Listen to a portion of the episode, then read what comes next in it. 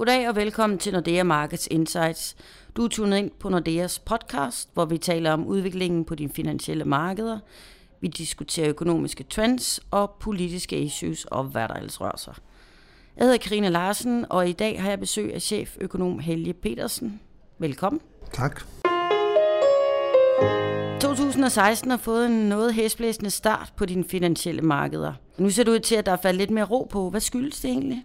Men det skyldes, øh, som jeg ser det mest af alt, at der er kommet øh, en række pengepolitiske tiltag og udmeldinger, som gør, at øh, finansmarkederne igen sådan er blevet lidt mere optimistiske. Altså at vi så den her periode, hvor at aktiekurserne de faldt markant. Det ser ud til at have stabiliseret sig, og vi har set, at aktiekurserne de er begyndt at stige igen, og vi har faktisk også jo set, at olieprisen den er begyndt at stige. Som sagt, de pengepolitiske øh, udmeldinger, der har været fra Japan, der er jo overraskende her for nylig satte renten ned i negativt territorium. Igen en indikation af, at man i Japan er klar til at gøre alt, hvad der kræves for at få bragt inflationen tilbage på de 2%, der også er deres målsætning. Og så har man jo også fået en udmelding fra den europæiske centralbank øh, på rentemøde her i, i januar, der var Mario Draghi temmelig klar i mailet ved det, at han sagde, at øh, vi kommer nok til at lempe pengepolitikken yderligere på vores møde i marts måned. Og det kan være både i form af en rentesænkning fra ECB's side, men det kan også være, at man vælger at udvide det her store kvantitative lempelsesprogram, som man kører for tiden, hvor mm. man altså lige nu køber statsobligationer især for 60 milliarder øh, euro om måneden, men simpelthen sætter det beløb op. Ja. Og de meldinger, de er blevet vældig godt modtaget på de finansielle markeder. Så det ser jeg som en hovedårsag til, at øh, vi har oplevet denne her tiltagende risikoappetit. Derudover så virker det også som om, at de nøgletal, vi har fået fra Kina, tyder på, at den kinesiske økonomi er ved at stabilisere sig, og det er også noget, som mm. der har været meget fokus på Kina, så det er også noget, som investorerne de har taget godt op. Så men hvad skal vi lægge i nu, at så ECB, hvis vi lige holder fast i det, og Fed, den amerikanske centralbank, de ligesom går hver sin vej. Hvad kommer det til at betyde? Jamen, det kan jo få nogle betydning øh, for udviklingen på valutamarkedet. Altså, der vil være, at øh, det land, der har den højeste rente og forventninger om, øh, at renten den bliver højere, det vil som regel være en økonomi, der vil tiltrække kapital og investeringer, og dermed også få en styrket valuta. Og det er da også det, der stadigvæk er min forventning. Vi så jo her, at øh, den amerikanske forbundsbank i december måned valgte at sætte renten op. Vi har fået udmeldingerne, som vi snakkede om før fra ECB, om at renten nok bliver sat yderligere ned, og man altså fortsætter med at, at lempe pengepolitikken. Og det, som jeg ser det, vil give anledning til, at dollaren den nok skal blive styrket. Nu er det sådan her på det seneste, så har nøgletallene fra USA jo ikke været helt så stærke. Nej, ja. Og så denne her uro, som vi i hvert fald så på i begyndelsen af året, øh, tror jeg også vækker en vis bekymring over i Forbundsbanken.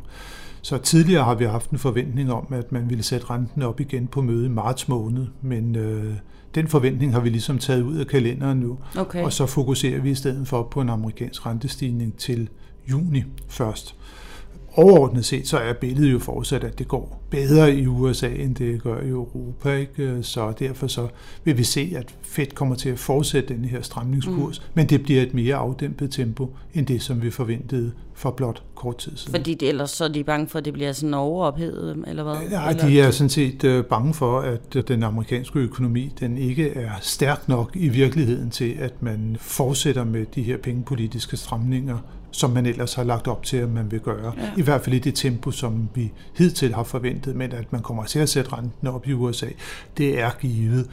Det er jo sådan, at arbejdsløsheden den er helt nede omkring de 5 procent, altså det niveau, som Forbundsbanken mener, der er det strukturelle niveau for ledigheden. Så der ligger altså på en eller anden måde nok et vis lønpres og ulmer i den amerikanske økonomi, så inflationen den skal nok komme tilbage, mm-hmm. især når det er, at olieprisen og andre råvarepriser begynder at stige igen. Mm-hmm.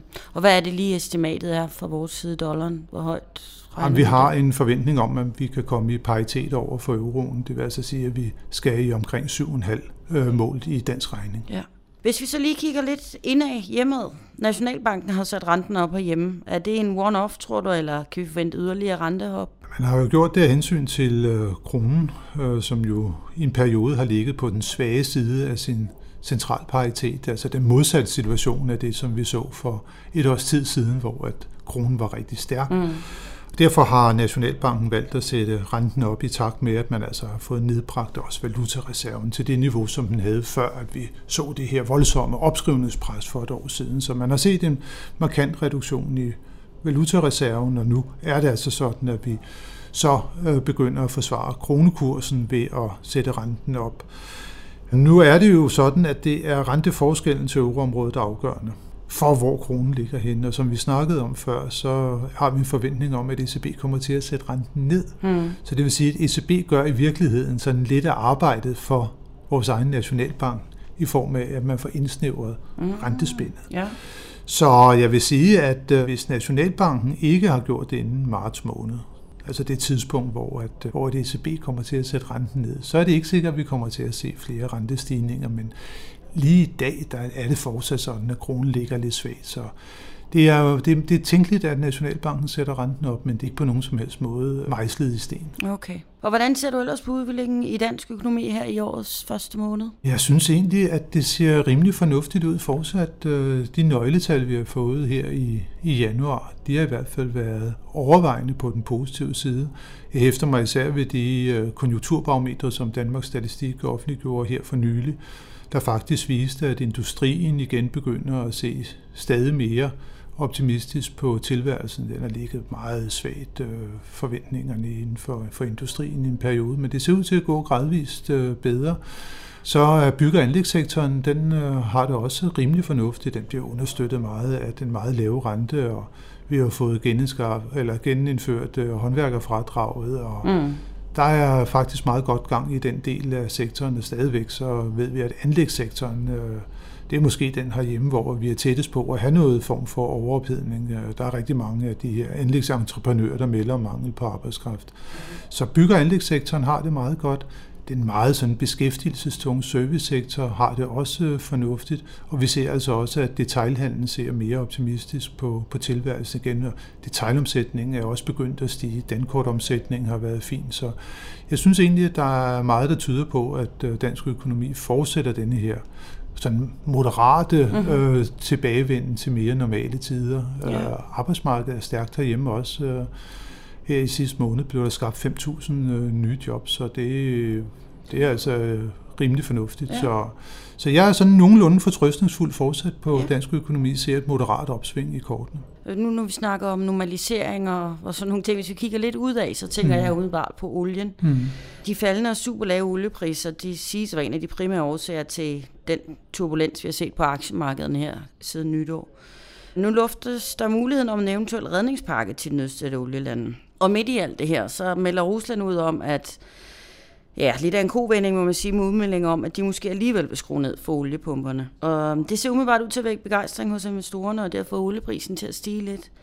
Hvad siger du, er det udpræget godt nyt, at olieprisen er skudt lidt i vejret, eller er det jo egentlig meget godt for almindelige husejere og alt muligt andet? Hvordan? Ja, altså, øh, jeg vil sige, at hvis det er, at vi kigger på det for de olieimporterende landes vedkommende, og dem er der jo rigtig mange af herunder USA, Europa også i vid udstrækning, olieimporterende mm. område, så er det jo en fordel, øh, kan man sige, når der er olieprisen, den er lav, fordi det giver noget mere købekraft til husholdningerne og en lavere energiregning for virksomhederne.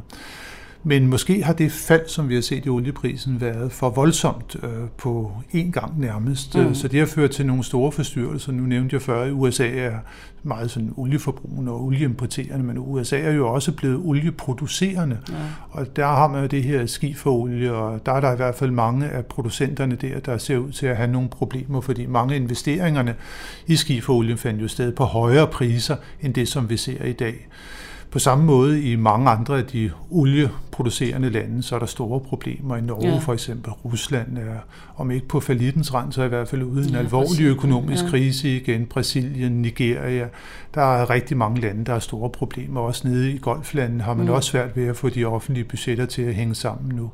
Så måske har olieprisfaldet været lidt for, for voldsomt, så de negative effekter, vi ser i de olieproducerende lande, måske overstiger de positive effekter i de olieimporterende lande. Og det er ja. det, der giver anledning til noget usikkerhed rundt omkring, og noget turbulens øh, også på de finansielle markeder.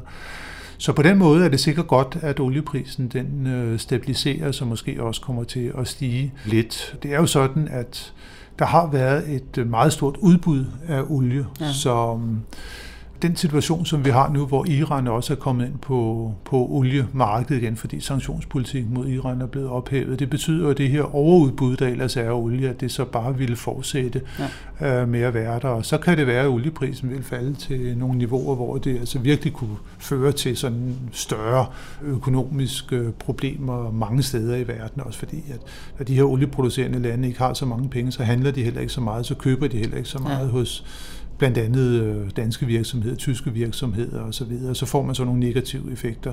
Spiral eller sådan ringe, der breder sig i vandet. Så derfor så er det sikkert meget godt, at olieprisen den kommer til at stabiliseres, men sådan umiddelbart så ellers så vil jeg sige, ellers for, for verdensøkonomien har man jo aldrig rigtig set, at man har fået en økonomisk global recession, når olieprisen er faldet. Til gengæld så har vi fået det rigtig mange gange, når olieprisen den er steget. Mm, ja. skal vi jo bare huske tilbage på oliekriserne tilbage i, i 70'erne, ja. som, som jeg i hvert fald kan huske. Og, så jeg er sådan øh, den holdning at lave oliepriser, det er nok det bedste for verdensøkonomien, men det fald, der har været den her gang, har nok været for drastisk ja. øh, på en gang. Ja, ja. Ja, men øh, det bliver spændende at se. Man taler om, at OPEC-landene de skal mødes her senere, måske i februar, øh, og hvad det så kommer til at betyde. Er der ellers noget, du vil holde med her i nær fremtid? Altså, jeg synes stadigvæk, at vi skal følge nøgletallene fra verdens store økonomier rigtig nøje. Altså, selvom som jeg startede med at sige, at tingene i Kina ser ud til at stabilisere sig, så er der stadigvæk øh, problemer i den kinesiske økonomi, blandt andet med den her opbygning af gæld man også kan frygte, at der måske er noget gældsboble, der på et eller andet tidspunkt kommer til at briste i Kina, så Kina skal følges rigtig nøje. Ja. Og så skal vi altså også følge nøgletallene fra USA meget nøje nu her, som jeg nævnte før. På det seneste har der været noget svaghed, og det skal også meget gerne være sådan, at det begynder at, at stabilisere sig. Mm. Det vil være langt det bedste for udsigterne for verdensøkonomien. Kan primærvalgene nu, skyder de det jo i gang her i Iowa, er det noget, der kan betyde noget? Nej, det vil jeg ikke mene, at det er noget, der har en stor betydning for den økonomiske udvikling. Det kan have en betydning for den politiske situation i USA, men øh, den økonomiske situation har det ikke den store indflydelse på. Det bliver først, når vi kommer på den anden side af valget, når det er, at vi skal se en ny administration, der skal til at begynde at, at trække arbejdshandskerne på, at det får en betydning. Lige nu så er det det momentum, der er i økonomien, som vi skal følge meget nøje. Okay. Tak skal du have, Helge. Velbekomme. Og hvis du vil vide mere om, hvad der rører sig på de globale finansmarkeder, så kan du besøge os på nordeamarkets.com. Du kan finde vores research og Haley Petersens analyser på nexusnordea.com. Og så kan du som altid besøge os på LinkedIn og følge vores analytikere på iTunes og Twitter. Tak for denne gang, og på genhør i næste uge for nye gæster i studiet.